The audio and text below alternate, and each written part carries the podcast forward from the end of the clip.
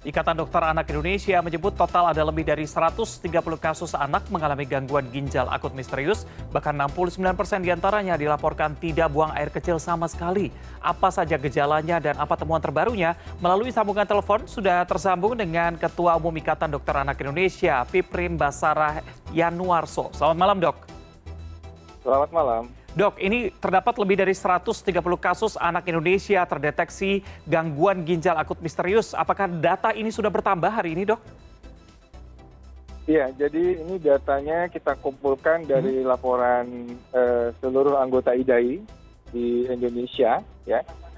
Walaupun mungkin belum semua uh, terkumpul, tapi per hari ini kita kumpulkan ada 152 hmm. Kasus yang masuk ke kami ya dengan sebagian besar usianya antara 1 sampai 5 tahun. Oke. Okay. Uh, ya. Baik, berarti bertambah lebih dari 20 dan hingga saat ini apa saja temuan terbaru dari IDAI, Dok? Uh, ini kenapa kita sebut misterius karena memang uh, terus terang uh, kita belum tahu pasti penyebabnya ya. Hmm. Apakah betul seperti di Gambia ya terkait dengan obat-obatan ethylene glycol ataukah eh, terkait dengan MISC post COVID ataukah ada infeksi yang lain. Nah ini masih kita investigasi uh, di internal IDAI sendiri. Kami melibatkan berbagai uh, unit kerja koordinasi ya. Itu ada dari nefrologi, dari area, dari infeksi, kemudian juga satgas COVID dan kami masih terus melakukan investigasi termasuk menyelidiki apakah eh, peran intoksikasi obat-obatan ya jadi eh, apa kadar obat-obatan tertentu dalam darah pasien-pasien itu juga masih di dalam investigasi. Hmm. Eh, hasilnya belum belum kami dapatkan ya. Baik. Baik dok, uh, ini yang menjadi pertanyaan dari netizen juga begitu ya. Sebenarnya apakah ada perbedaan kasus gangguan ginjal ini dengan yang dewasa dan juga anak-anak yang saat ini misterius dok? Uh, jadi gini, pada anak-anak itu biasanya kalau dia ada gangguan ginjal ya uh, atau kidney injury itu biasanya karena kelainan bawaan ya. Apakah ginjalnya uh, kecil, memang tidak tumbuh ya atau ada masalah-masalah bawaan kongenital. Namun ini terjadi pada anak-anak yang tadinya normal ginjalnya. Ya. Kemudian ada gejala prodromalnya yaitu infeksi saluran pernafasan akut, kemudian ada infeksi saluran cerna, ada demam, ya. Nah, kemudian eh, sebagian besarnya itu tiba-tiba tidak ada kencing sama sekali, ya. dan ada juga yang memang kencingnya berkurang itu gejala yang uh, terjadi pada anak-anak ini. Oke. Dok, uh, tadi gejala sudah disebutkan apa yang bisa dilakukan oleh orang tua ketika memang anaknya mengalami gejala tersebut, dok? Baik, uh, pertama-tama karena ini ada tidak kencing ya, jadi uh, orang tua sebaiknya memang membawa anaknya ke dokter anak terdekat ya syukur-syukur kalau ada konsultan uh, ginjal anak ya yang terdekat ya. Tapi sementara menunggu mungkin karena uh, produksi urinnya juga tidak ada harus dibatasi maksimal asupan cairannya dulu ya. Ini mungkin juga penting jangan sampai kencingnya sudah tidak ada.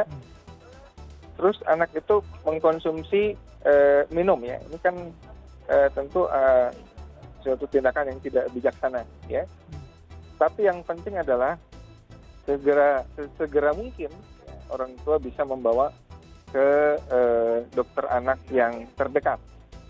Dan teman-teman sejawat dokter anak mungkin juga bisa kemudian segera melaporkan kasus ini eh, ke dinas kesehatan atau ada juga link IDAI ya yang hmm. kami sudah sebarkan ke seluruh anggota supaya kita bisa mendata seluruh kasus ini di Indonesia.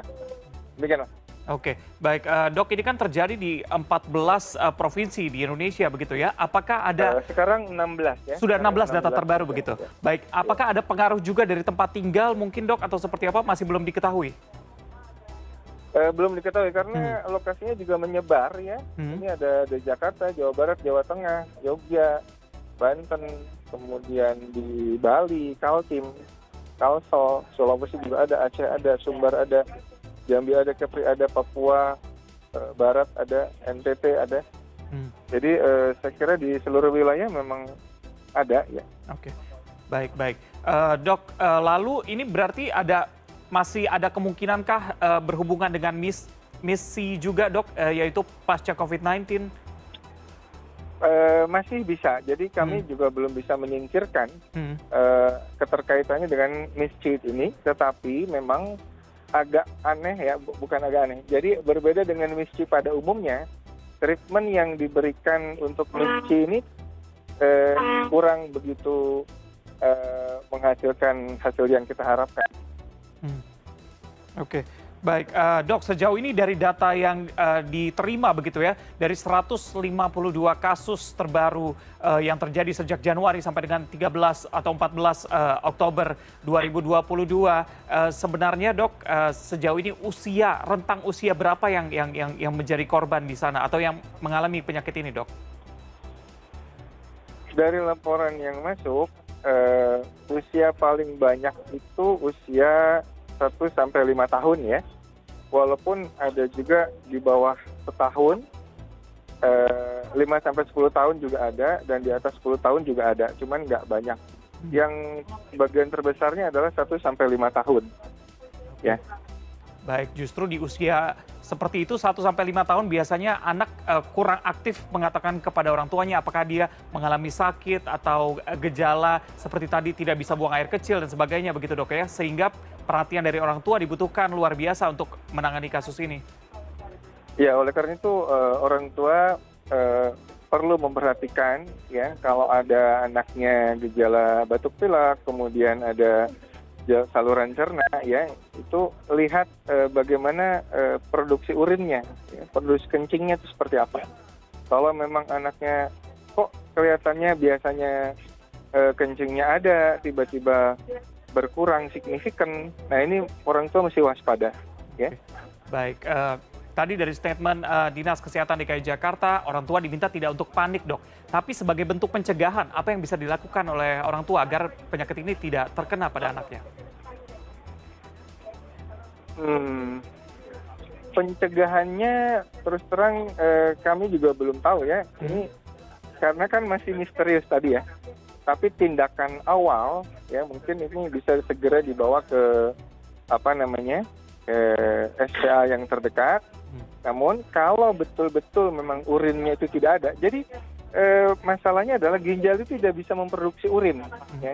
Oleh karena itulah mungkin eh, tidak bijaksana kalau anak itu kemudian dipaksa minum sebanyak mungkin Hmm. ya. Bukan itu eh, problemnya karena ginja- ginjalnya tidak bisa memproduksi urin.